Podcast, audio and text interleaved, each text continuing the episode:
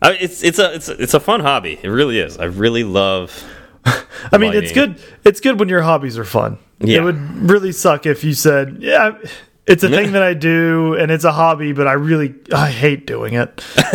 yeah, yeah. I don't think. I think at that point it stops it's not being a hobby. It's not a hobby anymore. It's Yeah. work at that point.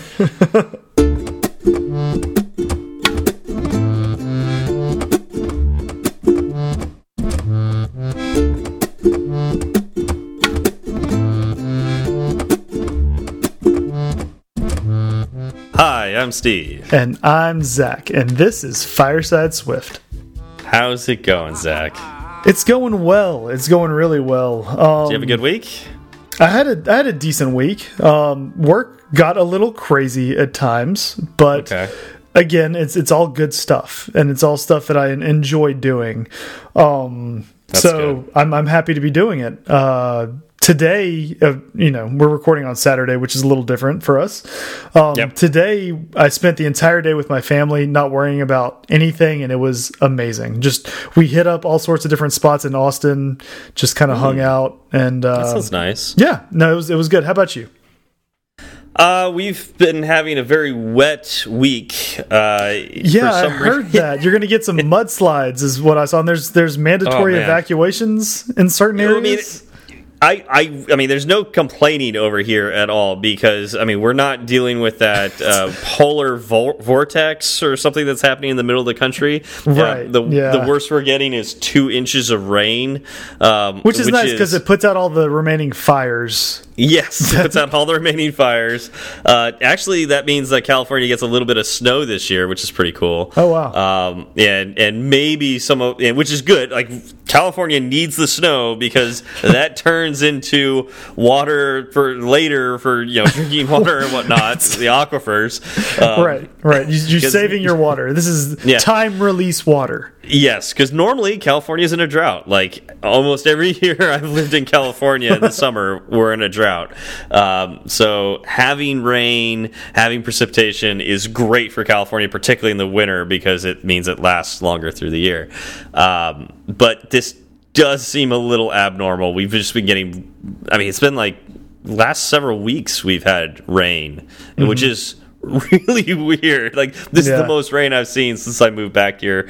Um, let's see here. I moved back to California about five years ago. So, uh, yeah, this has been a lot of rain that I'm not used to. Um, but Well, whatever. Yeah, I'm sure a lot of a lot of Southern Californians aren't aren't sure with uh, or aren't sure what to do with themselves. Yeah. Well, I mean, Not uh, good like beach said- weather. Like you said, the, the mud doesn't even know what to do, so it's just it's just Rolling, taking out just roads, sliding downhill. yeah, just sliding downhill, taking out homes and stuff like that. Yeah, so uh, yeah, hopefully uh, there's not too many people that are harmed by it, um, and you know, Yes. not too much property damage. Yes. Uh, we, one can only hope. Uh, Well, I mean, y'all just y'all go through some have gone through some crazy stuff in the past six months. uh, the fires. Yeah. Yeah. We had some really nasty fires this year, but that's, Yeah. I mean, every year we get fires in California. It just seems like they're getting worse. Right. Uh, and, um, yeah, well, weather, man. Like, Yeah. what can you do? Like, every, everybody's got, everybody's got their natural disasters. Um, Mm-hmm. you know, I'm, the fires are bad.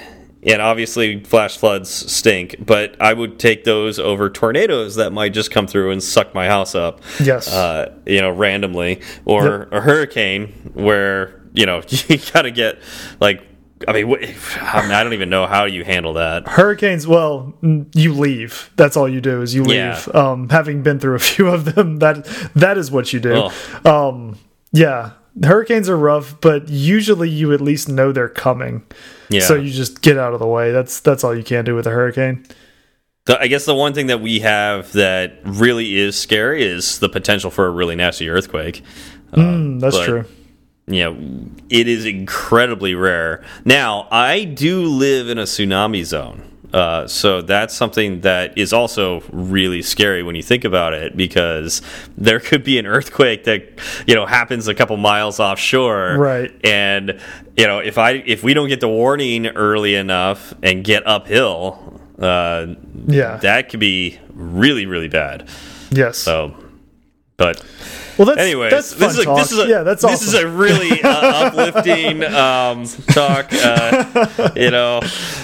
I love that people tune in to us to to just you know get that dose of optimism Yep. and you know we just hear a couple guys talk about natural disasters. yeah it's great Yeah. right Yeah. Uh, yeah, speaking of natural disasters, let's talk about uh, ways to prevent natural disasters in your code by using the software from our sponsor, Sentry. Uh, Sentry is an open source framework that you can add to your code that will help you detect crashes as they occur. And what'll happen is you'll get a notification in your email to check out your data, and that data will let you know where in your code uh, that your you know the problem took place. It's called a stack trace. Um, you could add this to your iOS code. It'll even work in Android or even your web code as well. Um, and the reality is, like everybody has to deal with this, uh, uh, from the small companies to the big guys, uh, right, Zach? Exactly. Um, you know, crashes happen to everybody. It's part of the uh, part of the programmer lifestyle. Um, the most important thing that that Sentry can give you is the information. You kind of alluded to it earlier. You'll get your stack trace. You'll find out exactly in your code where that misbehavior happens. And this is important because you know when you have a crash, you can have a customer reach out to you, and and they won't necessarily give you good information or correct information, which can kind of stall you actually getting a fix out. But you know, Sentry will get you that stack trace. You'll know exactly where to look. You'll know exactly what happened, and uh, you'll be able to begin working on a fix for it. Yeah, and Sentry is free to start, uh, but they also have a ton of premium features you can use. And you know, thinking about like the news. Uh, like this last week with uh, some of the privacy focused things with companies, um, you know some of your some of the the other big players in crash reporting out there do take a lot of your data from from your users and uh, you know that's what gets sent to them during crash reports. You one of the one of the best things about sentry is that you can control exactly where that data goes because you can actually host sentry yourself on your own servers. Now like I was alluding to, this is a premium feature, and so it will cost. It's not part of the free free tier. Uh, but if you decide that like you need that or you want to give it a try, um, you can go ahead and go to Sentry.io, put in our promo code. That's Fireside Swift, all one word, Fireside Swift, and that'll get you hundred dollars credit. Uh, you know, for a new account. So uh, go go to Sentry.io and and get your credit. Yep. there. And we'd like to thank Sentry again for supporting Fireside Swift. All right, Zach. Uh, do we have any follow up this week? We do. We have a, have a decent bit of uh, follow up. Let's start with uh, Heifertron, which I guess is a Tron of heifers. Um, so, hi guys, love the podcast. What? I- we'll no, come we're gonna keep on. later. No, we're gonna keep on rolling. Okay. Uh, I'll let you have it. All right. Hi guys, love the podcast, and it's been super useful as I've recently got into iOS development. Heifertron, welcome aboard. Uh, I was I was wondering what your views were on keeping an app below 150 megabytes in sacrifice of user experience, or to bite the bullet and make the app larger than 150. Uh, thanks. All right. So um, I answered this on Twitter, and um, oh boy, uh, did you answer it on Twitter? I, I normally don't write long Twitter things because like it's such a pain to try to like keep track of how many pages you're going to do and i had no idea how many times how many pages is going to take me to answer this but i was feeling particularly motivated and i was like you know I, i'm just going to keep going with this and see how long it takes i think i got to like five tweets to i don't remember yeah, no, you didn't. you um, didn't let Twitter hold you down. I did not let Twitter hold me back. Uh, and uh, so, anyways, like, so if you want to get my written response to this, go ahead and check out Twitter and check out uh, Heifertron's uh, uh, initial tweet, and you can see my replies to him below. But uh, just for those of us who either don't want to go to Twitter or um, you know just aren't on Twitter. Let me. I think this is this is an important question. So let me see if I can verbally talk about what I said. Hey, I don't remember if is is it is it did it up to 150 megabytes? Is the download on cellular service? Is that um, did it, they up it to that because it used to be 100 meg? Do you remember that, Zach? I want to say they did, but you can't hold me to that. All right, so this is why this is important. So it's either 100 meg or 150 meg. I think it, they upped it to 150 meg, but um, this is why it's important to keep your app below this threshold. It's uh, it is the threshold for which Apple will let a user download your app on cellular data. So it's like even if you're using cellular data, if it's above 150 meg, Apple won't let you download it, you know, without having Wi-Fi. And there's ways of tricking it, like you know, let's say you've got your um, your partner's phone nearby. You could have them turn on their um, uh, hotspot, and so and you know connect to that, so it thinks it's a Wi-Fi. you know, you can use their cellular data. Yeah. Um, so, anyways, there's ways around this. Um, but the key is that uh, Apple's trying to prevent you from just destroying your cell data, and uh, and and so but here's the thing like a lot of a lot of people when they hear about an app they'll go wow that sounds really cool. I want to use that. They'll get on the app store right then and there try to download the app. If it doesn't work right then and there you haven't hooked them and mm-hmm. by the time they get home and get on wi-fi mm-hmm. they're probably not as interested in looking at the app anymore. Like Oh, the yeah. time you had yeah the time you had to hook them to just you know bring them in is that that moment that they're downloading. And there's a lot of research on this. Uh you know, typically people only use a few apps on their phone and will only remember to use them. Even though we download more we won't necessarily use them. And obviously the goal is to get people to use your app. Uh, so I highly recommend you do as much as possible to get your app below the 150 meg range. And in all reality, if you're writing native code, if you're not doing like React Native or Flutter or uh, Xamarin or uh, Ionic or what you know any of those other things, Right. if you're if you're doing native Swift or Objective C programming, unless you're making like games, I'm wondering how you're even getting above 150 meg. Uh, I, I'm guessing like if you have Facebook as a package, uh, Twitter as like you know another framework that you're adding in, and like some of these other ones like Pinterest. I remember downloading, so not downloading. Um, I was working, I was working on a contract, and we actually bought the source code for like a Flappy Bird clone game Sure. and this game like the I'll, for other reasons this code was unusable so we really wasted our money. But um, it was absolutely amazing how many like they had like multiple ad tracking frameworks in Oh, it. no. they had every single kind of plugin you could possibly imagine that you wouldn't need. It like i mean this is this is a little tap your phone game type thing.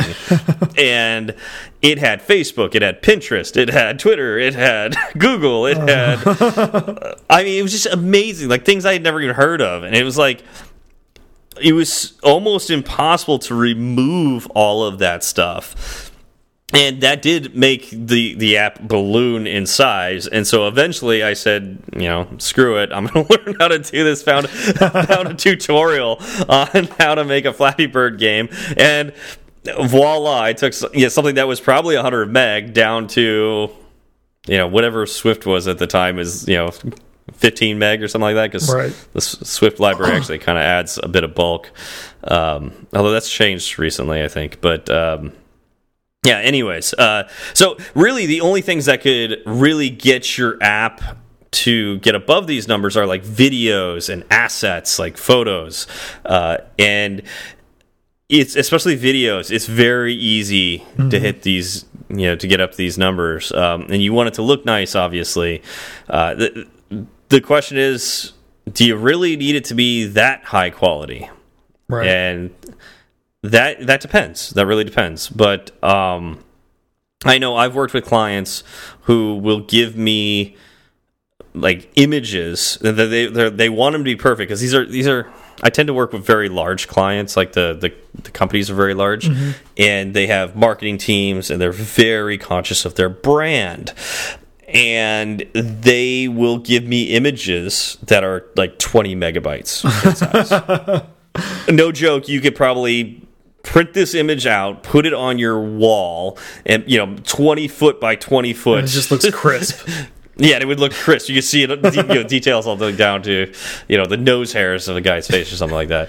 Um, I mean, not what I would be looking at, but sure. no, but you would you would be able to see those in stunning detail. uh, the reality is, like, we don't need images that large on a phone. Like, the the screen is much smaller than that, um, and so it's like.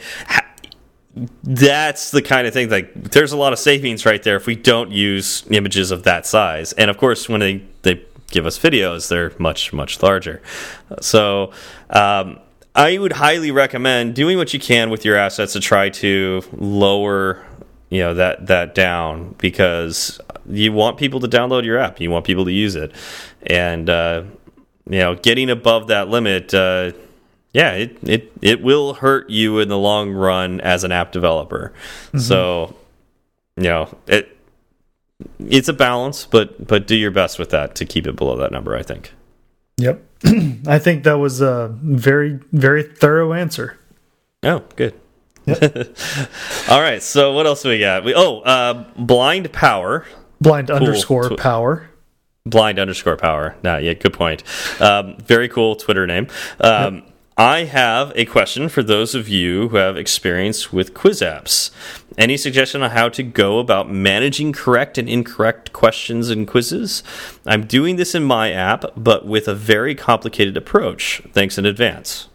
So, Zach, Sure. you made QuizPal. What, Yes. what, what do you suggest? So I, I made QuizPal, and um, I think uh, for for QuizPal and for Blind Powers app, you know, I reached back out to him. I said, you know, what what is your app doing, right? And what way is this answer being fed in?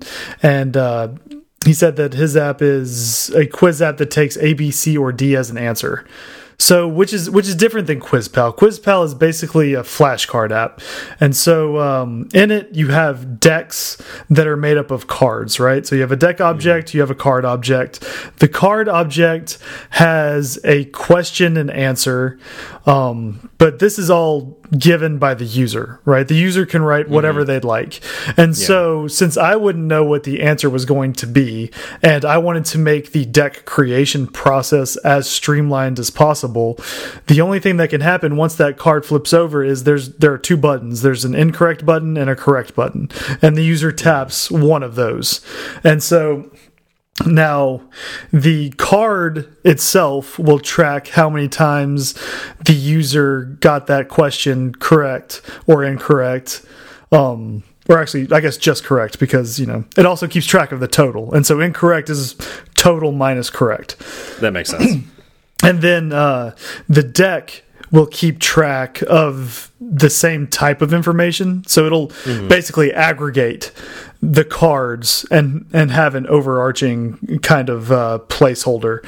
So you can see, you know, you can go and you take a look at a deck and you say, oh well, I get seventy nine percent correct for this deck, and then you can go through each card and you can say, well, you know, for these three cards, I get it hundred percent of the time, and and just kind of winnow down, you know, where your weak spots are in that subject. That was that was what I was going for with that. So it's not quite the same as what Blind Power has set up here. Um now Okay. for his setup, I would uh you know have I guess a a question object or a quiz question object. And um you know as as part of that object it would have a, a correct answer uh variable or attribute. And um I would probably set up the you know, A B C or D as a as an enum. And so the uh uh, let's call the that a correct answer enum okay Okay. and so you know the quiz question would have an attribute called you know correct answer of type correct uh, correct answer enum and so your options would be dot a dot b dot c or dot d That's that's how I would think about doing it as well. Uh, I don't think I've ever made a quiz app. I can't think of. I'm. I, I'd be very surprised if I never had like a tutorial on it or anything like that. Right. Uh, it, and of course, everybody wants to make a game, so this is like a simple game that you you Right. can learn how to do pretty easily.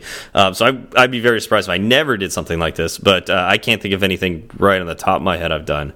Uh, what I will say though is, uh, you know, my company has an app that has a I guess you could say, a, a module on it where you can send questions to your guests at an event and uh, you'll you'll actually text these questions out to uh, your guests, and they can respond via text message A, B, C, or D, and it's it's not to say like you know what is the correct answer? There is no correct answer. The idea is to poll the audience and then we have like a an apple tv visualizer that will show how everyone in the audience is answering their que that question mm -hmm. so I yeah, I, I, mean I can talk about like how we store our values with that, but that doesn't quite answer the question because it's like, how do you go about managing correct and incorrect questions? we don't. There, there yeah, they, there is no right answer to these questions, or at least there shouldn't be.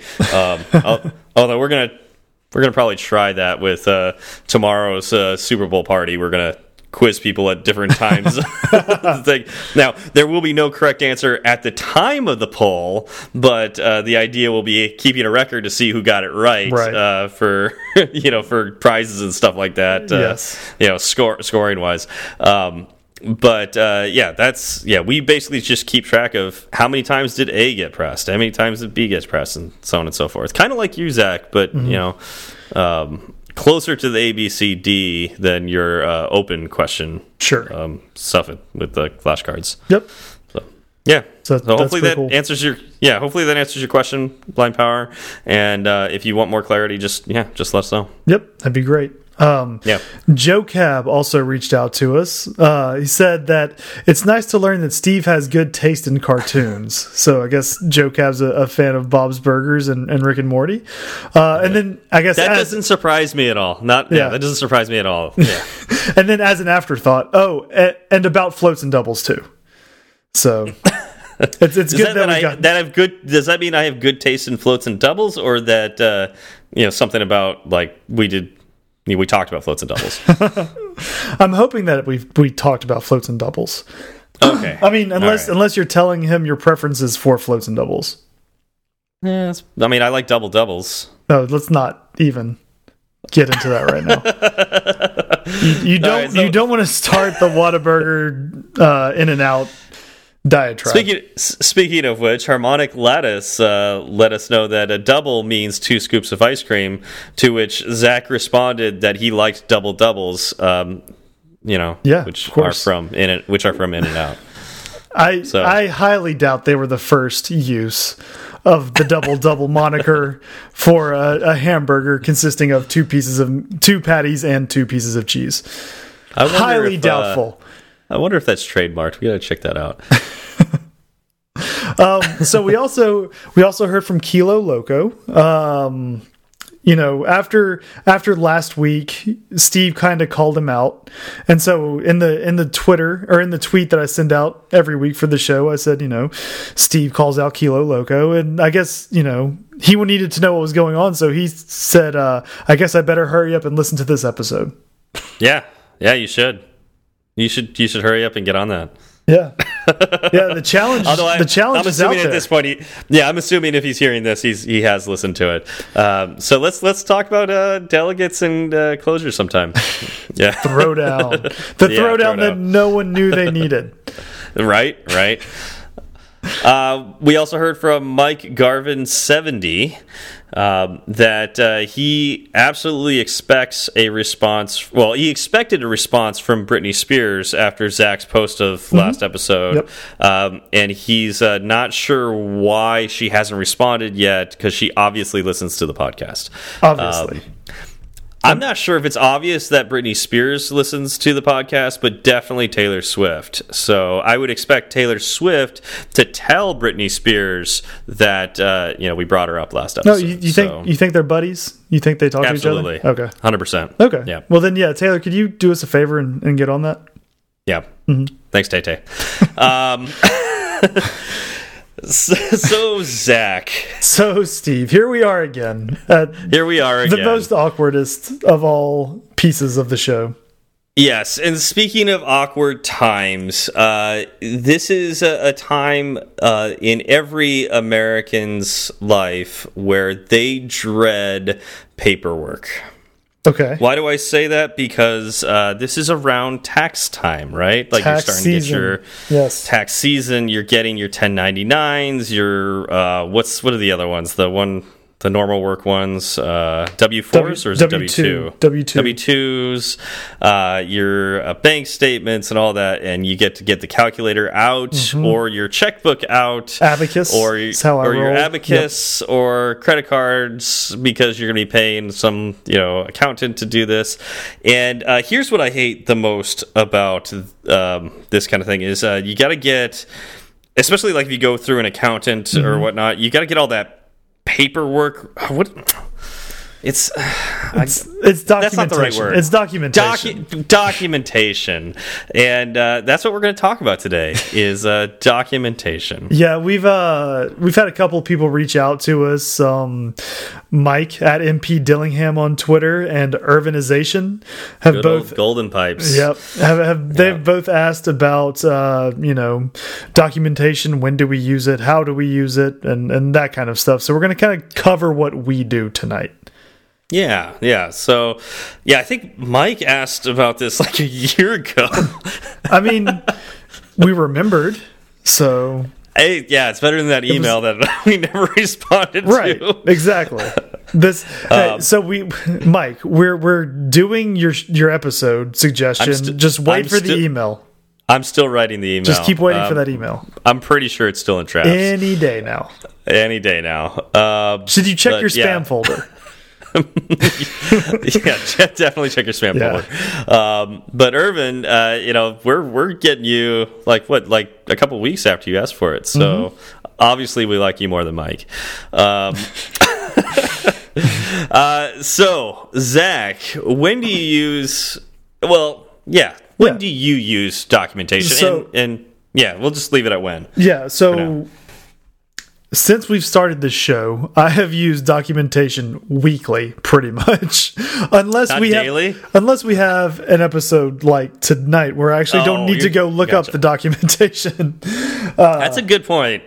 That's a very good point. I didn't think about that because I'm thinking like in your daily coding life, but the reality is, uh, in particular, you know, every week you are diving into some sort of documentation. Yes. Uh, because for this for this show, Right. And the great the great thing is the documentation I look at, we usually end up putting in the show notes.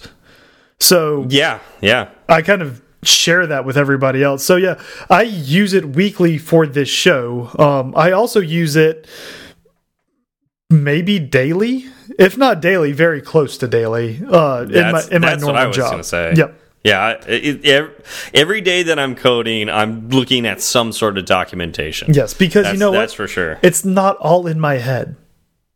Yeah, It's just it's Well, not.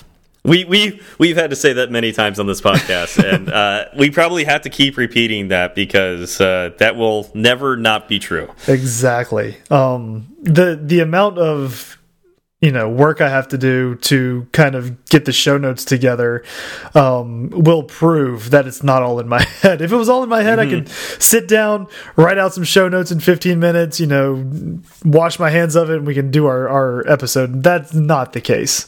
Wait, you wash your hands after Wash you write the my notes? well, they're going to you and your your dirty Californian IP address. So it, it just it makes me feel better.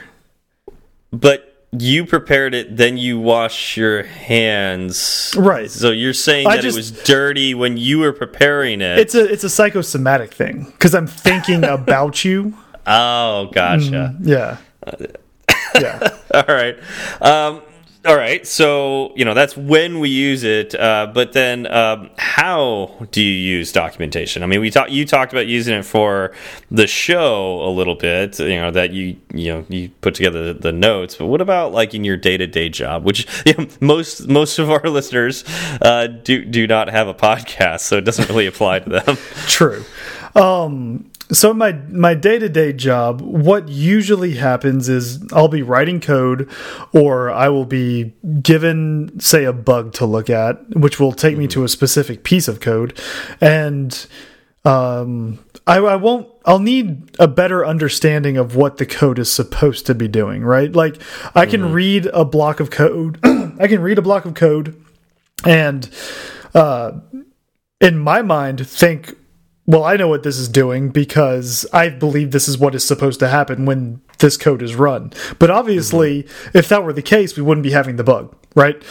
yeah. so that's true. Uh, what I'll usually do is I'll, I'll open up Apple's documentation from Xcode itself and kind of go through whatever I'm looking at. Like say say I did something with a set right? You mm -hmm, know, sets mm -hmm. aren't a, an object that or a data structure that I work with very often. Um, okay. And so when I do, I'll, I'll just need a better understanding of what I'm working with. What can you do with a set? What can't you do with a set? Um, what's expected out of a set? And so, you know, the documentation is a great place to get all of that. You know, uh, one of the things about sets is they are unordered. And mm -hmm you know, a lot of bugs can come when you're working with a set and you're expecting what you're working with to be ordered. Gotcha. Yeah, I guess I could see that. Um, but uh, at any rate, you're talking about the Apple documentation at that point, right? Yes. So that that is okay. strictly the the Apple documentation. Um, do you want to talk about how you use documentation? Sure. Um, so obviously, very similar for me, and I think that's going to be the case for just about anybody who works with iOS, um, at least that that uses Xcode.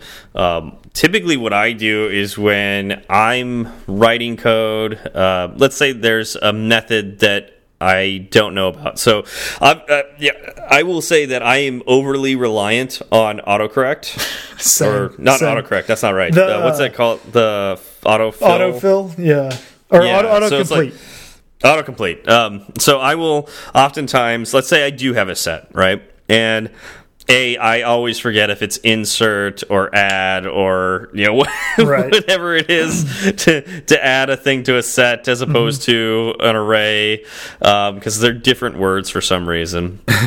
and so and same thing with the dictionary, right? And so I let's say like I I want to do something with a set and I hit the dot. The first thing I'm going to do is I'm going to look at all the different methods that I could, you know, add to or you know or not mm -hmm. add but yeah, use on that particular object mm -hmm. and uh, let's say there's a particular method that i hadn't seen before you know um, or it sounds like it might be what i want but i'm not really sure mm -hmm. and so what i'll do is i'll go ahead and select it i'll hit enter let it autofill and then before i start filling in the parameters i'll then uh, hold down the Option key. Um, if you've got an external keyboard, it might be the Alt key. Mm -hmm. And so I hold down the Option key, and then I'll click on the method, and that'll bring up the little window in Xcode. Um, you know little pop-up that will give you like the basic uh, documentation for that particular uh, method and I'll, I'll read through that i've done that um, I want to say hundreds. It's got to be thousands of times, right? Like, yeah. yeah you, you know, I'll forget I'll forget about a particular method and have to do this, and so I'll, that'll be that's the first place I go. That's number one. Like if there's something that I'm not sure about, I will look at that first and see if that answers my question. Mm -hmm. If it's not quite good enough, or maybe it's like um, that method sounds like it's not quite right, but I can't figure out through autocomplete what you know which method I really want. Mm -hmm. I there are actual links in that pop up that will open up Apple's documentation of that particular uh, object, and so like in this case, set, which is um, that's a struct, right? Like I think we determined it was a struct. I believe so. here, yeah, here we go so, again. I don't want to call it a class because you know some things are not classes in Swift. Yeah. I'm pretty sure sets are structs. So I'll, I'll, click on that. It'll open up sets as structs, and mm -hmm. I'll be able to scroll through like all the different. Like it'll have a a basic definition at the top, and then it'll have the the properties associated with it, and then it'll go into the methods, and I could scroll through all those methods, and they'll be organized. Some are more organized than others, um, and right. uh, you know, oftentimes I could find the method that I care about there. So that's my initial like two steps of you know getting through into the documentation. Mm -hmm. uh, is that similar to you, Zach, or do you do anything different? No, that that's pretty much spot on what I do. I would like to add, um, since you brought up the option click. Uh, thing, how it brings up you know that that Mm-hmm. little bubble with documentation in it. Um, Yeah. I'd like to bring up the fact that you can actually, for a custom class or struct or anything in your app, you can actually add documentation to it within Xcode by using a triple forward slash above where you define it. Yeah, thank you for bringing that up because I was thinking about that as I was talking about it, but I forgot how to do it. Yes. Um, so that's awesome. Yeah, and there's a whole format to that as well. We had a meetup on it, and um, oh man, I don't remember who gave that that meetup, but uh, hey, if you're you're out there and uh, I think it might have been Rob, but anyways, uh, it, you know, if you remember giving that presentation, uh, just just hit us up on Twitter and we'll give you uh, attribution. Sure. Um, but uh, yeah, it's re it's really cool um, that you can write your own documentation like Apple did. Uh, that sh that'll show up in those little bubbles. Now you can't click into it and open up Apple's Mm-hmm. Right. documentation Right. that has more to it. But um, man, those little uh, option click bubbles are super helpful, and uh, you could do that too if you want to. Exactly. Um, it's something that kind of blew my mind when I first saw it, uh, because Mm-hmm. Same here. it's it's something that's so useful that I wouldn't have thought of doing at all. Yeah, and you could include links in there too. So it's like, let's say you've got a website that actually has, or like a GitHub page that has like more documentation on each of the different methods. You could include for that particular method the link that takes you to that page in GitHub, so uh, they can read further about it. So um, it's very, very cool stuff. Yep. So what what is what is your go to documentation? So we've talked about Apple doc Mm-hmm. docs, right? Well, before we leave Apple Docs, um, oh man, I don't remember the name, but there are maybe there's only one, but there was that one app on Mac that uh, you can use that makes searching Apple's documentation easier. Oh, really? Um, yeah, I think. Ooh, I don't even know if it's available anymore because there was a there's a whole scandal with that. Um, I just wanted to go out there and say like I don't use anything that helps me with that. Um, I know people who use like uh, Alfred that will search through Apple's documentation too and take them to that. Um, I don't use any of that. I use Xcode and the Apple documentation as it is given to me in Xcode. I don't do anything different with it. Yeah. Uh, it, but you can customize that by downloading other apps that help you search it. Uh, Well, that's that's interesting. I didn't I didn't know that. No, I I don't use anything else. I uh I use what Xcode gives me and the internet. okay. Like I'll yeah, I'll I'll go yeah. to I'll go to Apple's documentation just on a browser. Um, Yeah, because I'll I, I find too. I find navigating in the browser a lot easier than navigating in Xcode. Plus, uh, with with Xcode, it, it tends to get cluttered for me. Um, and so it's just one way to kind of segment out, you know, documentation over here, what I'm working on over here. And it one, makes of, one of the things one of the things I noticed with Apple's documentation, like their little program within Xcode, Mm-hmm. is that sometimes it doesn't find what I'm looking for. You Oh. ever notice that? I ha I have not noticed that yet. No. Yeah, it's like I'll, sometimes like it when I option click on something, it won't. It'll like just take me to like a top level view, like not even anything to do with the object I clicked on. Oh, wow. Um, and, and I'll even like search for it in you know the little top thing, you know top search thing, and it's it's really not a great search. Um, and so I've I've had issues with that, and that's where that's where going online tends to be a better find for me. Okay.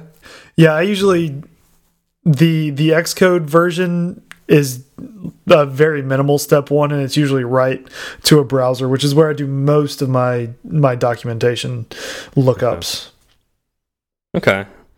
Yeah, I mean the the next thing I do, um, let's say Apple's documentation, you know, doesn't give me the answer that I want, and it oftentimes is because it's like it's either so high level or so specific in its example that it's not it doesn't answer my question, whatever it may be. Right. Uh, that's when I'll just go straight to Google and start uh, typing in essentially what my problem is, whatever that happens to be. Yes. And I won't just click on any link that I get after that. I actually will, at this point in my sleuthing of figuring things out, um, I will avoid blogs Yeah. Maybe maybe that's uh, you, you do the same thing. Um, for the it depends. It depends. Am I am I trying to fix a bug or am I trying to implement something new? If I'm trying to implement something new, I'm more likely to click on a, blo a blog. Um, well, if well, I'm fixing a bug, I'm more likely to click on a Stack Overflow post. Yeah, for for me, like the first thing I want to look at is Stack Overflow, and I think it's be so like I will actively look for Stack Overflow search results because I'm just to, I, I think it's because Stack Overflow has built enough reputation uh, in my mind of this is where I can see somebody ask a question similar to mine and get an idea of how people are answering it. Mm -hmm. um, and oft like i'm just amazed how many people have asked questions that are so close to mine that i don't need to ask anything on, on stack right. overflow um, and just you know like let's say i find the exact question i have and there's no answer to it mm -hmm. that tells me something that, like that's a very lonely feeling uh, actually, no. That is, if I see that, if that's actually less lonely, it's like, oh my goodness, somebody else found like literally has the same problem as me, and they. This is a really valid problem because nobody's answering it. It's like, all right, I found a good bug or I found a good problem. Well, um, I'm glad you get excited about that. I I, yeah. I look at that and I get a little disheartened. well, I get disheartened when I I search for something on Stack Overflow and nobody's even asked that question before. Right. Then well, I that's, then that's I, when it's real bad. Yeah, well, then instead of asking the question myself on Stack Overflow, I then look at the question and go, maybe I'm asking the wrong question. yeah, which is a problem, right? Because if no one asks new questions on Stack Overflow, then no new answers will ever be given.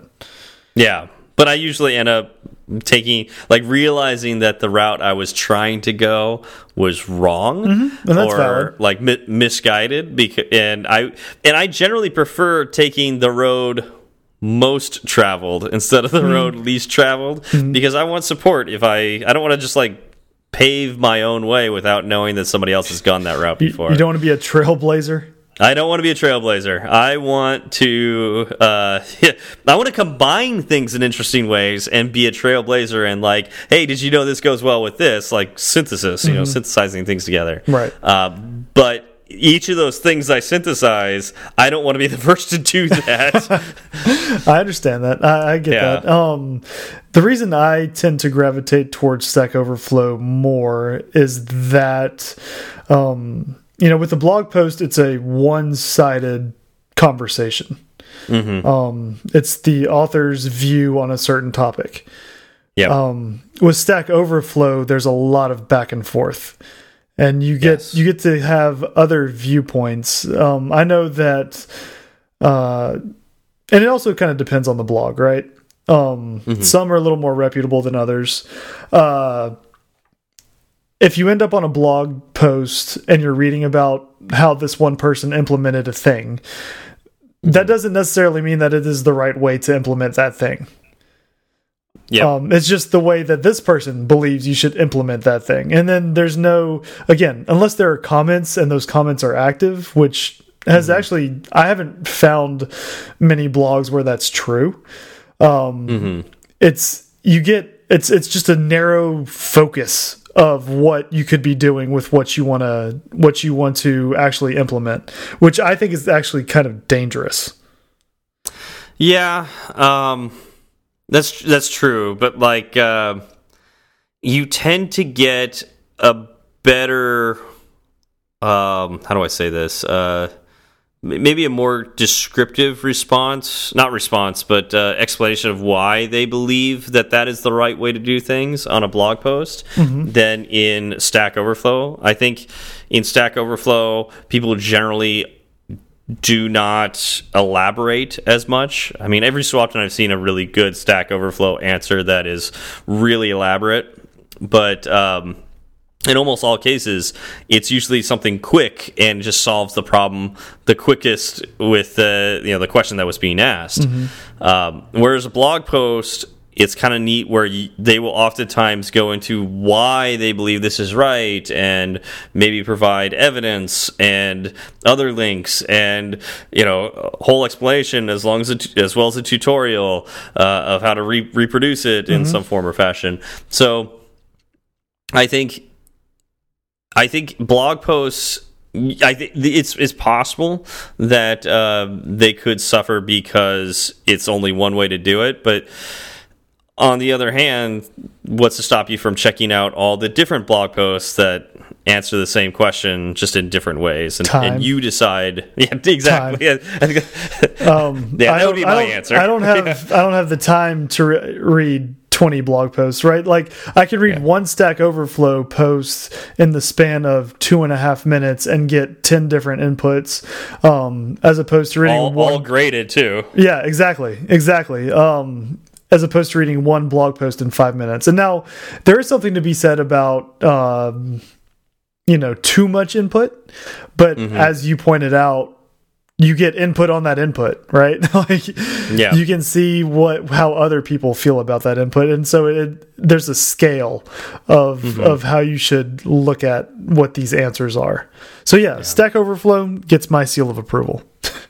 Yeah, but every so often I need a little more insight. And so let's say, you know, so like going through my steps, it's like number one, it's option click. Number two is Apple documentation. Number three is, you know, looking at Stack Overflow. Number four would be like, okay, so there's still like this concept that the answers on Stack Overflow are not good enough. Either I need a tutorial to, to walk me through it, or I need uh, more background. That's when I'll start looking at the blog posts mm -hmm. and mm-hmm. trying to get more understanding about the the topic or problem or whatever it is I'm I'm researching at this point. Okay. So that's that's that would absolutely be my next step is checking out blog posts.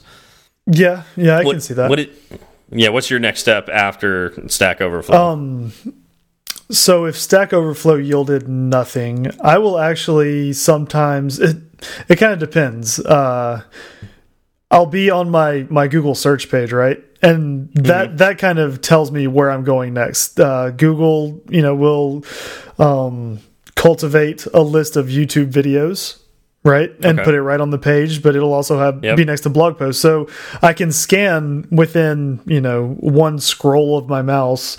Uh, well, are there any promising looking YouTube videos or are there better looking blog posts? And are the blog posts written by people that I know? right mm, like like yeah. bigger people or are there you know youtube videos by bigger people that i know right more trustworthy so i kind of like like like giants are we talking about tall people they have to be at least um six foot four gotcha uh, uh, if anything below that i just don't trust you gotcha did, uh, did we hear uh, how how tall is uh you know uh paul hudson um well again you have to do that weird British to American conversion. And oh yeah, because oh, yeah metric system, and his boots yeah. are always full, which add some height, mm -hmm. right? Sean Allen though, like he fits that bill, right? Yeah. Oh yeah. Well, he, at least his beard, he could take the beard off. That adds to his height, right? I've I've actually doubled the length of the beard and added to height, just as a, as a sign yeah. of respect. Gotcha. Yeah. Okay.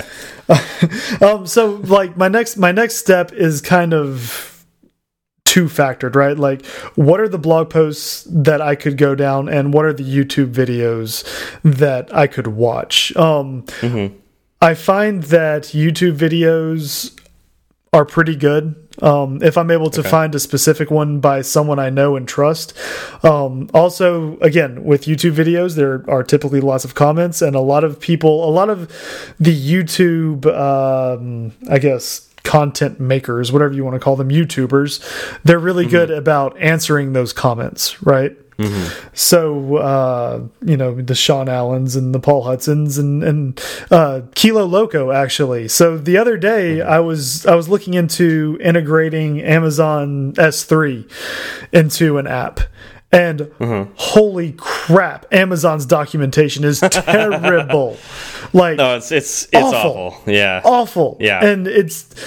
I, I looked at it for a little bit and I thought I just don't even want to mess with this anymore. And I thought, well, you know what? I'll I'll see what else is out there. There weren't really any YouTube videos. I I stumbled across Kilo Locos. Um, and I think it was about half an hour, but it he did a very good job of explaining, you know, everything what it needed to be, and I went through it, and so I I can use YouTube as documentation for things like that, and you know he was able to take just the junk that Amazon throws at you in their documentation mm -hmm. and distill it down into what you actually need in half an hour. Uh, if I tried to get all of that on my own through the documentation Amazon provides, it would have taken me much much longer. Yeah.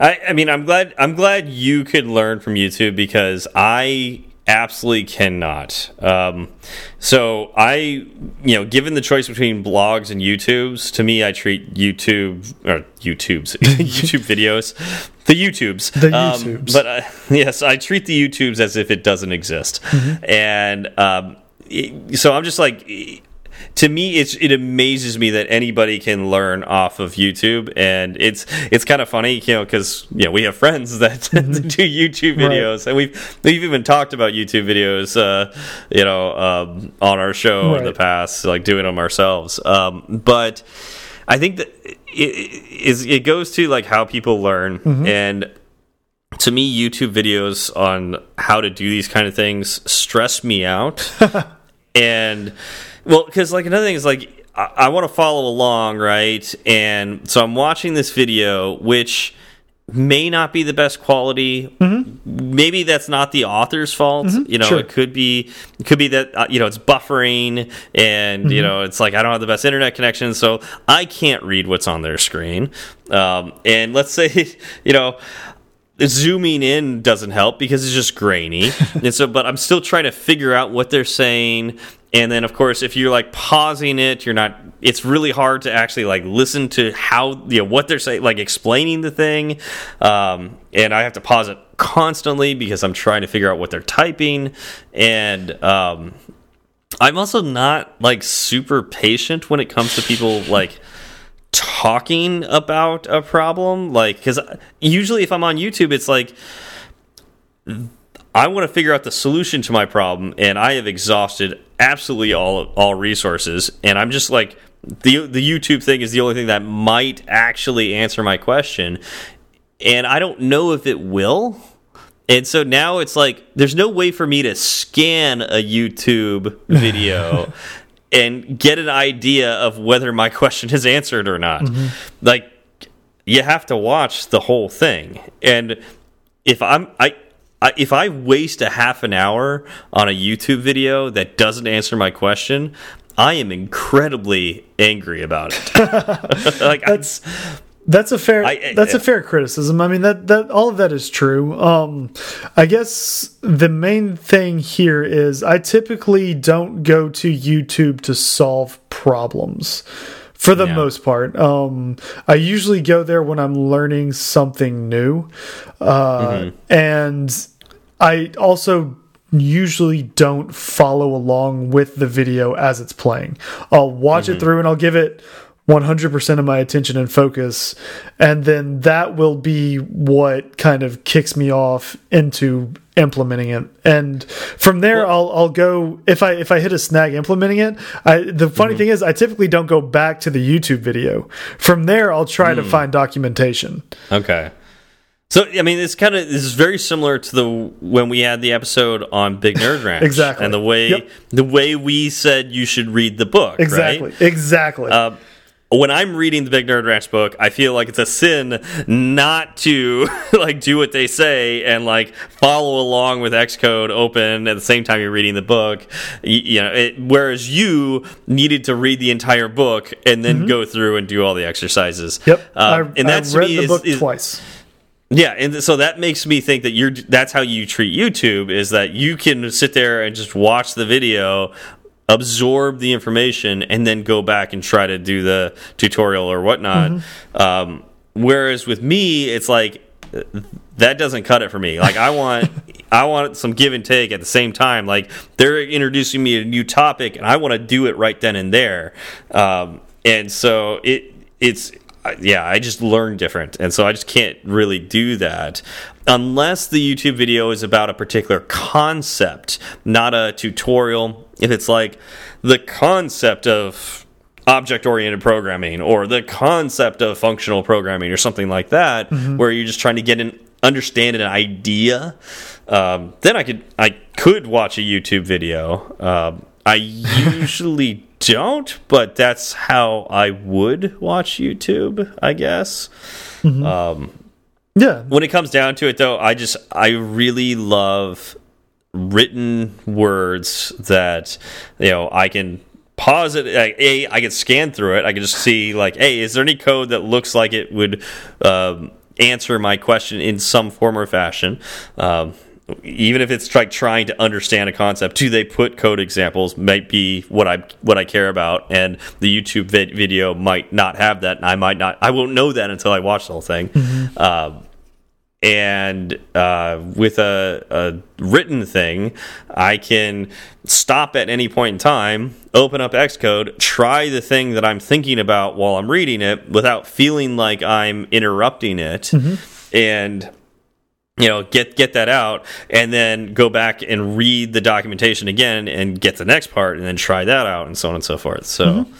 Yeah. Yeah. I mean, it's it's really nice that there are different formats Oh yeah, to to get because I I also find that I pick up different things in different ways, right? Like again, when I'm learning something new, I kind of like the YouTube tutorial because uh, if you find a good one and it's clean and efficient, you can kind of conceptualize everything in 10 minutes and then you know it, it doesn't take me 10 minutes to implement but uh, i can start implementing and then i go off and do documentation after that um, yeah.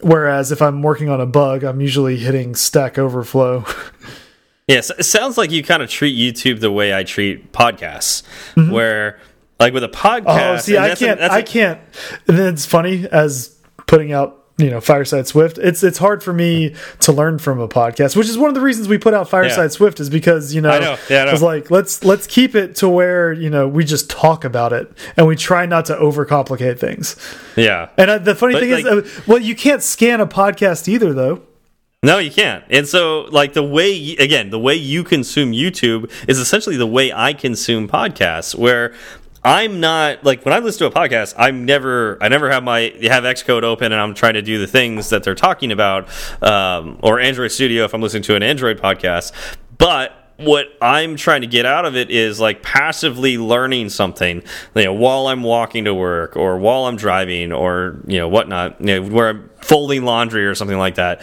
Um, I just want to hear about hear that something exists, right? Like trying to avoid the you don't know what you don't know syndrome. Right. Um, I'm I'm trying to get in the know that like this concept exists out there, and that's what I feel like we provide with Fireside Swift is that. You know, some people don't know some concept exists, right? And you know, it's something that we both know, or like we learn Or- from each other by talking you- to each yeah, other. or one of us knows One of us knows about it, and we're learning from each or, other. or but uh, uh, Or? someone a listener suggested it they know oh yeah, abs That- absolutely. that has and, also and then we talk about it. Absolutely. And so, uh, you know, if you listen to it, it's like now you know it exists. And the next time you come up with a problem while you're working, you know, while you're programming, you may go, oh, you know what?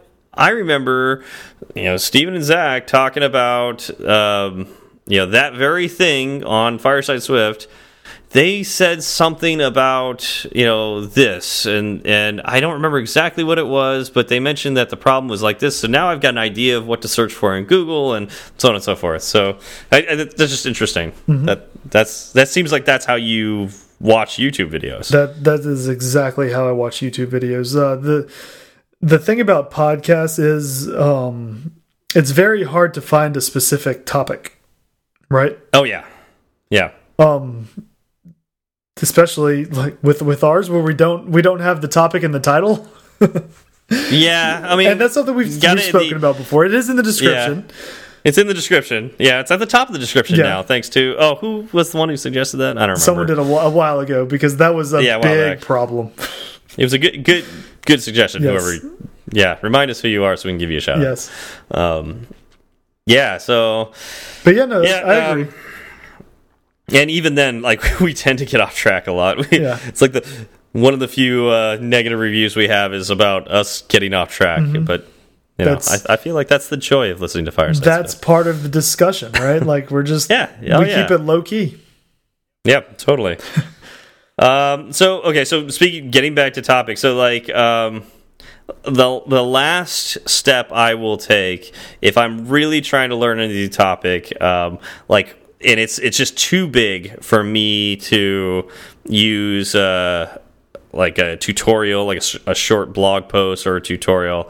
Uh, let's say I'm I'm learning a whole new pattern or a whole new language or a whole new mm -hmm. platform. Uh, that's when I will start looking at textbooks. Yep. Like uh, Big Nerd Ranch. Um, Oh, I'm trying to think. Well, uh, there's you know, there's like, the Advanced Swift from the Objective mm -hmm. C.io guys, which is mm -hmm. again, that's not learning a new language. That is deepening your knowledge of a language, or you know, any of this stuff from Hacking with Swift. You know, he yep. has all the the Pro Swift and Advanced Swift and all that other stuff. Yeah, yeah. So that's. But I, I typically after a point, I don't usually this is probably I probably should, but uh, I won't typically read those books after a certain point. Um, Interesting, because because I'm lazy. I because guess. you um, know all there is to know, Steve. It, and that's obviously not true. Um, but uh, you know, I don't know. I guess it's one of those things where you get, you get, a little arrogant and you're like, I don't need to read anymore. The reality is you do, and you really should. Mm -hmm. And uh, so don't listen to me on that. I'm a bad example there, and I, I need to be reading more books. Um, but, uh, you know, typically I don't. And it's, it's really when I'm but but when I'm trying to learn something new, like like when I wanted to learn Android, I wasn't going to start with blog posts. I'm not going to start right. with yeah. Yeah. Yeah, I'm not going to start with YouTube. Like I am absolutely starting with a book. Right. You know, Same. and like starting with web development you know i'm not going to you know go and find a blog post on how to now i'm gonna i'm gonna go through some sort of course mm -hmm. you know and, and uh, usually that's a textbook that you know has chapters and I'm going to mm -hmm. learn one little thing at a time and then after that then I'm going to graduate in fact I feel like I graduated to be able to read blog posts after that exactly well what what a textbook offers that a blog post doesn't is cohesion Mm -hmm. Um, Absolutely. It, it's you know step by step. You start with A, you move to B, you go to C, you go to D. Blog yep. posts, it's good luck trying to to figure out yeah. that path. Like, where do you start? Some some blogs do a good job of that you know having that cohesion um, I think hacking with Swift has a lot of of those kind of courses, mm -hmm. you know, in it. Like, uh, um, well, Paul Hudson's 100 Days of Code uh, oh, that stuff just, that he's doing that right he just now. Started, yeah. Well, I mean, every yeah. everybody knows that I'm a huge fan and proponent of hacking with Swift. Mm -hmm. Um, yeah, and I would say Ray Wenderlich is also another. Um, website that is kind of top notch. Like I think of those two as as the best that you can get when yeah. you're looking for uh, blog or tutorial based Swift documentation on the internet. Yeah, no, it's oftentimes uh, my going through the, the, those layers right there. I'll end up on either Hacking with Swift or Ray Wenderlich. Same here. That that'll be my solution. And you know, I'm so excited and happy that those uh, those websites exist. I am too. Um, uh, uh, Swift by Sundell as oh, well. Oh, yep, yep, that's a good one. Yeah. Uh, a real real quick aside. Um, I was trying to figure out some networking thing in my company's app this week, and um, you know, I talked about it with my coworker and, and we came up with a couple of ideas, but none of them felt right. And I went back to work and about 30 minutes later, he said, uh, he sent me something over Slack and said, you know, this is another option we can try. And of course, it's a hacking with Swift link. yep. yep. There, there we go. Nice. I can, I could definitely do that. You are correct. So, yep. I'm very thankful that um, you know Swift by Sundell, Hacking with Swift, and and Ray Wenderlich all exist. Um, So, I guess I mean that that kind of covers for me how I look at documentation, and I do consider every single one of these steps documentation, including podcasts. Mm -hmm. uh, you know, and I, I, guess the final step for me is podcast, but that's just like a continuous thing I do throughout my life is to listen to podcasts. Yep. So. Yeah, and I, yeah. it's something else to think about is this is actually this is a skill this is one of those skills mm. that you kind of need to have as a developer um, that doesn't really get talked about. You're, you're never going to get interviewed on how well you handle you know going through documentation but it's it's Which an important skill to have because yeah, that, you're again that's sad right you're it, you're not going to yeah. know everything, and so what do you do when you're in the middle of of writing an app or working on an app and you don't know what to do next? You're going to well, go through documentation. Yeah, like I mean, it, it, it's super sad they don't interview for this because the reality is when you are working on a team of it, you know, uh, with, with a team of engineers on engineering problems it's not what you know, it's how well you can solve problems by finding the answer to those problems. Exactly. Uh, and so, really, it, the whole interview should be going through this flow of like, what do you do when you you, you have this kind of problem. Where do you go first? Where do you go second? go third? Like this is what engineering is actually like. Mm -hmm. Not it's not having the answer to everything. It's problem solving and having your resources and knowing where to go to find your answer. Yep. Not knowing all the answers. Exactly. And then the other funny thing about the interview process is, you know, they always want an elegant and beautiful, well thought out answer. And then you do all that and you get through the interview process and you get hired and you realize that, you know, when push comes to shove, when you're actually working on the app, they just want an answer. It, yeah. it, doesn't have to be beautiful and elegant and well compartmentalized. They just need an answer now. like the the app is crashing. Yeah. Let's fix it now. Yeah, oftentimes uh, companies don't even want to pay for the elegantness at all. Right. It's like, like yeah, they're like, yeah, I can, I can totally do that. Mm -hmm. You know, just give me a month to, to do that new feature right. and I'll have it done. And they're like, no, you have a week. I was like, oh, oh okay. I can do that too. I could do that. It's it's not going to be elegant and it's not going to be refactored into something nice, uh, but I'll get it done. and then you move on. Exactly. Yep. So, anyways, uh, yeah, that that's uh, about all I got for documentation. Anything else you wanted to yeah, I, mention? Zach? I am I am through. Um, we managed okay. to talk mm. documentation to death. Okay, good. and I think we're running out of time yes. too. So, not that we really have a time limit, but uh, there's a point when it feels like we've been talking for too long. I agree, and I think we passed that a little bit ago. Yeah. So, thank you all for uh, for uh, hanging out with us mm -hmm. and listening to us. Uh, do we have any shout outs this week, uh, Zach? nope, no shout outs at all. Okay, um, I think we wanted to. I think uh, this uh, the Swift Community Podcast came out with its second episode, uh, so check that out. Uh, you know, think that happened in between our our last two episodes, okay. if if not before our last episode came out. Uh, so check that out, uh, and you know you can help with that too. So get on the the website for that, and there's PRs and uh, oh, what are those called? It, you know, issues and all that that you can jump in and help with. So do that if you'd like, and you get involved with the podcasting. Yep. Uh, so yeah. Uh, but thank you all for coming out. Uh, thank you, Sentry, for sponsoring us, and we'll see you all next week. Y'all have a good one. It's such a good feeling to be at the end. A happy feeling that there may have been a mistake or two so we'd like to hear from you.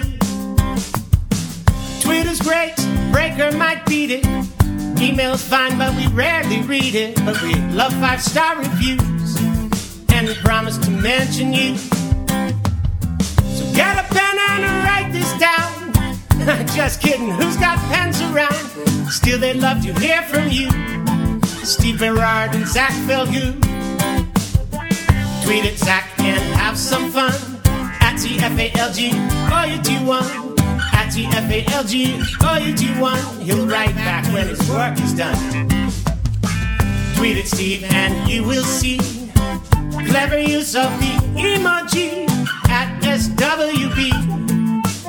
E R A R D. Fireside Swift has its own handle, so you can burn three sides of the candle at Fireside underscore Swift. At Fireside underscore Swift. And if your message is a little too long, there's firesideswift at gmail.com and firesideswift.com. Firesideswift.com.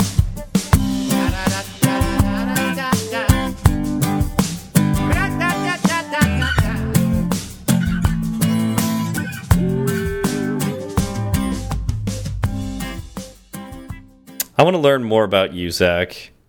Uh, too bad. You get you get nothing. What I'm about do to I want to learn about? turn you? off the mic right now. If you had the choice. Okay, all right. So, wings. What? You like wings, yes? yes. Obviously. I mean, everyone likes wings except for those people who don't like Mm-hmm. chicken, I guess, and good things in life. Just just happiness Um, and sunshine. happiness and sunshine. How do you like your wings? Like, uh, do you like them buffalo style? Do you like barbecue sauce? Do you like dry rub? Do you like them smoked? Do you what? You know, like what? If you had your optimum wings, what would they be? I like I like them um on a plate. Just just give me any wing and I am a happy man. All right, so I got some raw wings. I dropped them on the ground, rolled them Yep. Around for a bit, put them on a plate, mm-hmm. and then put them in front of you. Delicious. Best wings you'll ever have. Delicious. Yes. I, I just cooked. You just- you just love give them to all- me. Give them to me cooked. however, however you would like them to be prepared. Uh, All right, so I, I uh, Like- put them in the I put them in the microwave for Sure. you know three minutes. Yep. Uh, then drop them on the floor, roll them around. I don't in know dirt. if microwave for three minutes counts as cooked. put it on put it on the plate and then put it in front of So you. first we have to define what cooked is, and I mean, I mean, yes. What what kind of cooked do you like when it comes to wings? uh, me Deep fried? medium. no, uh, yeah, deep deep fry those suckers. Uh, baked is Breading? baked is Bre- pretty good. Um, I'll take breading? No breading? Again either. Like you're you're. I'm not. I I'm no, not I- no, picky. I- you want me to have opinions about this, and Yes, I, I- don't. I just what's want better? to. I just want to eat wings. I just So difficult. I I know. I just I will take that any way I can get it. It's I know it's hard for you. Um yeah, I mean I when I go to a wing spot I usually get well again I can't even say what I usually get because I get whatever I I'm in the mood for. Uh I guess typically it's a, a bone in wing like I don't usually do the Okay. boneless. Um See, that's that's there you go. There we got a preference. from time to okay. from time to time I will though. Um okay.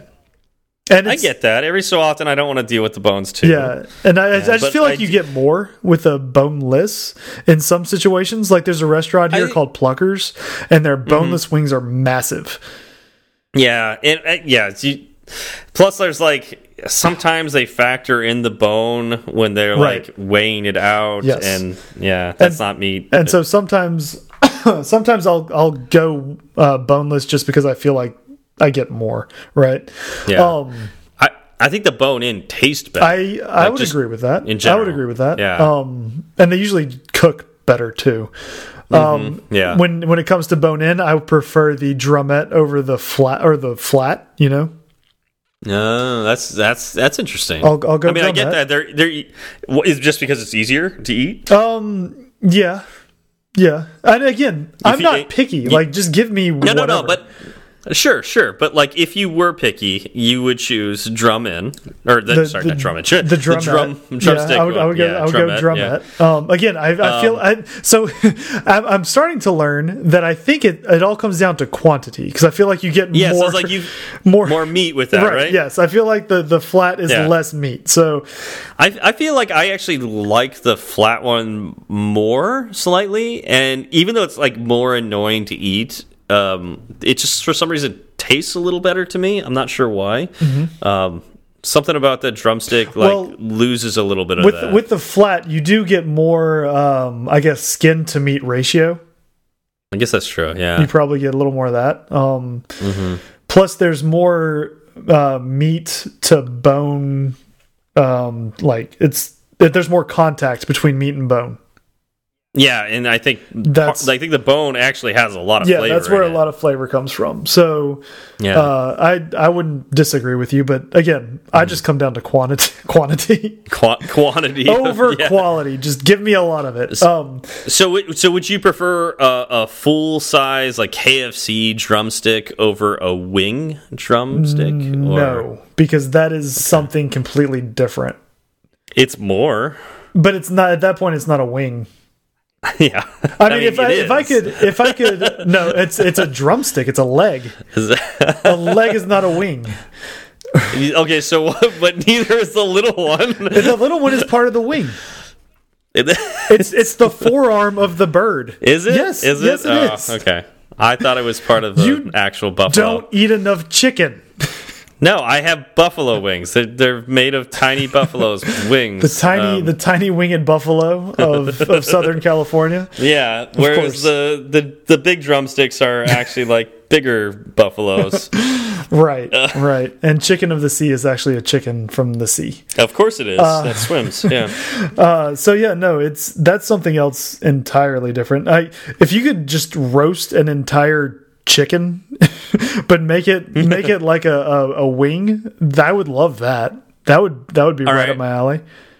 So, uh, Frank's hot, or do you like uh, barbecue sauce or So, dry rub? I'm if I'm doing my own wing, uh Mm-hmm. usually Frank's will be an ingredient if I'm making my own sauce. Mm-hmm. Um there's other stuff that goes in it well as well. Uh, my wife makes really good wing sauce. It's got, Mm-hmm. you know, butter and all sorts of deliciousness in it. Um now if I'm if I'm just going to buy straight off the shelf, again, there's a restaurant here called Pluckers that is Mm-hmm. fantastic, and they sell their sauces. So I've I've actually um, just gone to their gone to a restaurant, picked up a bottle of of sauce, and used that, and that works out really well. Um, because you know sometimes you buy the the bottled sauce and it doesn't taste the same, and sure. this does. Well, it's got, this like, doesn't- preservatives in it now Right. This, So this doesn't taste the same, but it's a lot closer than Okay. other stuff. What about you? Um, okay, so for me, um, my feeling of wings was I didn't really care for them too much growing up because they're kind of a pain to eat and they're messy. And eventually, like I started liking them more, uh, you know, as I got older because I just appreciated them more and um, and whatnot. And then I got to go to Buffalo to hang out with um, my roommate at the time. His parents live in Buffalo and uh, or at least outside of Buffalo. And uh, we went into Buffalo and went to a wing rest. We, we saw a Buffalo Bills game, and that evening Nice. we went to Duff's. So you know, spelled Right. just like the Simpson Duff's. Uh, you know, Duff Man uh, and his, his beer, but there's actually a Duff's uh, restaurant there in Buffalo, and it was uh, Troy's favorite wing place and uh, I was super excited to have buffalo wings in Buffalo, and I was curious if these wings would actually be better than the wings that I've had in the past. And you know, because some some places that originate stuff, it's like, oh yeah, it, it started here, but it's way better elsewhere. Right. Like other other places have made it better. Um, well, in this case, Buffalo still has Oh, the best buffalo wings tops. I've ever had. Um, we started out let's see here we got we got uh, a bunch of hot um, i think we got medium for some reason. We did get a barbecue sauce one and then uh, we all had to have one death wing. And so i started out by trying each of the different kind like the one of each of the normal wing flavors that we had. And uh, they, they all tasted really good and then um, we all cheersed our death wings, um, Right. which were right. a, which were a very dark, dark, dark sauce color. And one of the things that Duff does is Duff's does with with their death wings is they take a. Uh, uh, what's that called? Uh, a toothpick and like poke holes around the Oh, meat so it of gets the death wing. inside. So it soaks, yeah. So the sauce soaks into the meat. um, so you make sure you get the massive, the maximum amount of pain possible, or flavor depends on how you look at it. Um, And uh, you know, ate the death wing, which was actually one of the best tasting wings. It was fantastic. It was very hot, but manageable. Like Right. like, it wasn't wasn't ridiculous hot. I was expecting to be like mouth on fire or that kind of thing. It it was very hot, but it wasn't like it didn't uh, make me run for milk or anything like that. Right. What was very interesting was after that death wing, all the other wings tasted so much better. it was like a like a it was almost like a palate cleanser. Yeah. Um, the way the way I like to think about it is it burned off all of the uh, the underperforming taste buds on my tongue. And all that was left were the ones that could like register good flavors. Survival of the And- fittest. right. And oh my god like the the other wings just were it was like it was heavenly after that. It was so good. Mm-hmm. and i was i was taking in i think we had i think we had fries. Yeah we had some fries too. And i was like dipping the fries in the death wing sauce. We had like a little like the pl little plate that it came in. There was some sauce still on there. I was like dipping my Oh, fries that's that. that's one of the best parts. It was so good, and um, that was just one of the best meals I think I've ever had. And so, um, I, nothing still has come close to that. but I, I will now, like now to this day, I, I definitely prefer buffalo style wings with a wet sauce, you know, like a, a Frank's of some kind.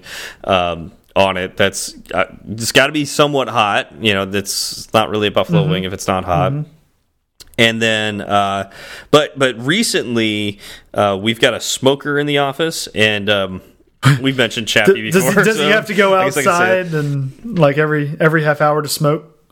yep yeah, Yeah. pretty much Okay. yeah yeah but it's smoking meats not not a cigarette or Well, that anything seems weird. um, yeah Seems like it would be hard to Um, light. it would be and is uh, but it's electric so Oh, so yeah, it's, it's like like, a, the- it's like a Juul.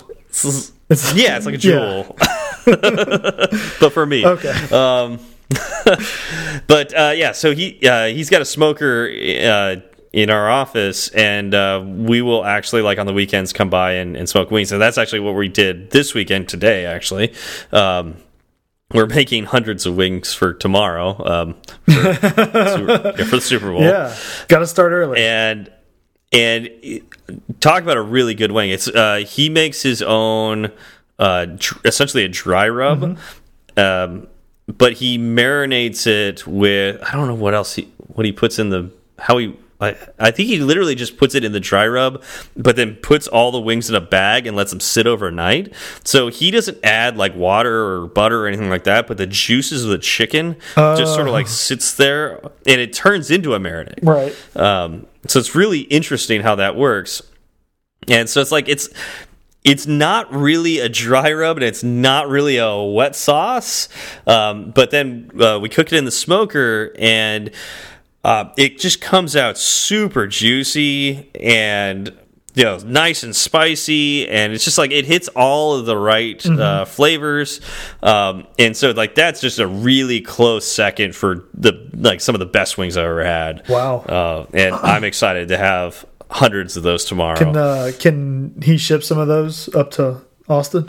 no no but you could come to visit Oh. and uh, we can make a ton of wings uh, you know we'll, I mean- you will definitely get your quantity uh, yeah quantity in if there if uh, you know if you're trying to tempt me to step onto foreign soil, which is what I consider California, uh, then uh, wing, wings is a good that, way of doing is it one way to get me there for sure. Uh, I'm I'm learning uh, how to how to get to your, your heart. Yep. Um, and I, I'm I, I should have known, but food is Oh, definitely uh, It how I is should tempt you. Way at the top. Um, you know, all I told my wife earlier, you know, all she needed to do to get me to marry her was feed me and tell me she loves me. That's that's all. I'm like a little puppy. Wait, so, so all I have to tell you is that I love you and give you wings, and you'll you'll come visit. Yeah, but I haven't gotten the wings yet, so But yeah, you got to come here to get the wings.